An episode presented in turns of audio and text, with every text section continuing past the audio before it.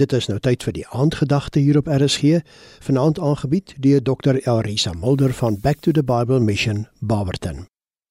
Goeienaand. Ek groet jou in Jesus naam. Hierdie week wil ons graag gesels oor oorwinning. Wie van ons begeer nie oorwinning in elke vlak van ons lewe nie? En ek dink aan Romeine 8 vers 37, maar in al hierdie dinge is ons meer as oorwinnaars deur hom wat vir ons liefhet.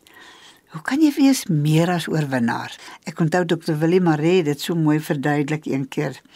Meer as oorwinnaar beteken as jy byvoorbeeld 'n atleet is en jy het geoefen en jy het al die afrigting gekry en jy hardloop en jy wen daai beker en jy vat die beker en jy gee dit vir jou moeder dan is sy meer as oorwinnaar. Sy het nie geoefen nie, sy het nie gesweet nie, maar jy gee die oorwinning vir haar. So het ons Here Jesus aan die kruis gesterf en hy gee vir jou die oorwinning in jou lewe as jy dit aanvaar in jou hart. En Jesus wil jou graag ook meer as oorwinnaar maak. So Jy moet hom eers aanneem as jou persoonlike verlosser en hom aanvaar as die Here van jou lewe, dan kan hy jou meer as oorwinnaar maak.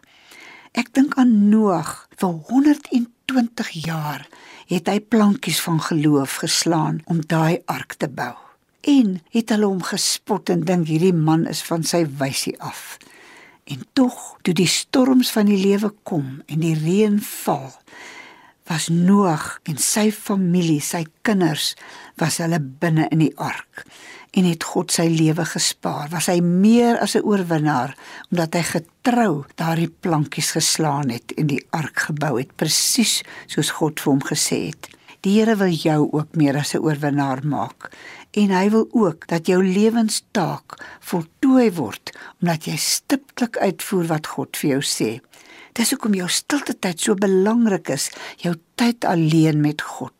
En mag die Here self vir jou meer as oorwinnaar maak. Die Here seën jou.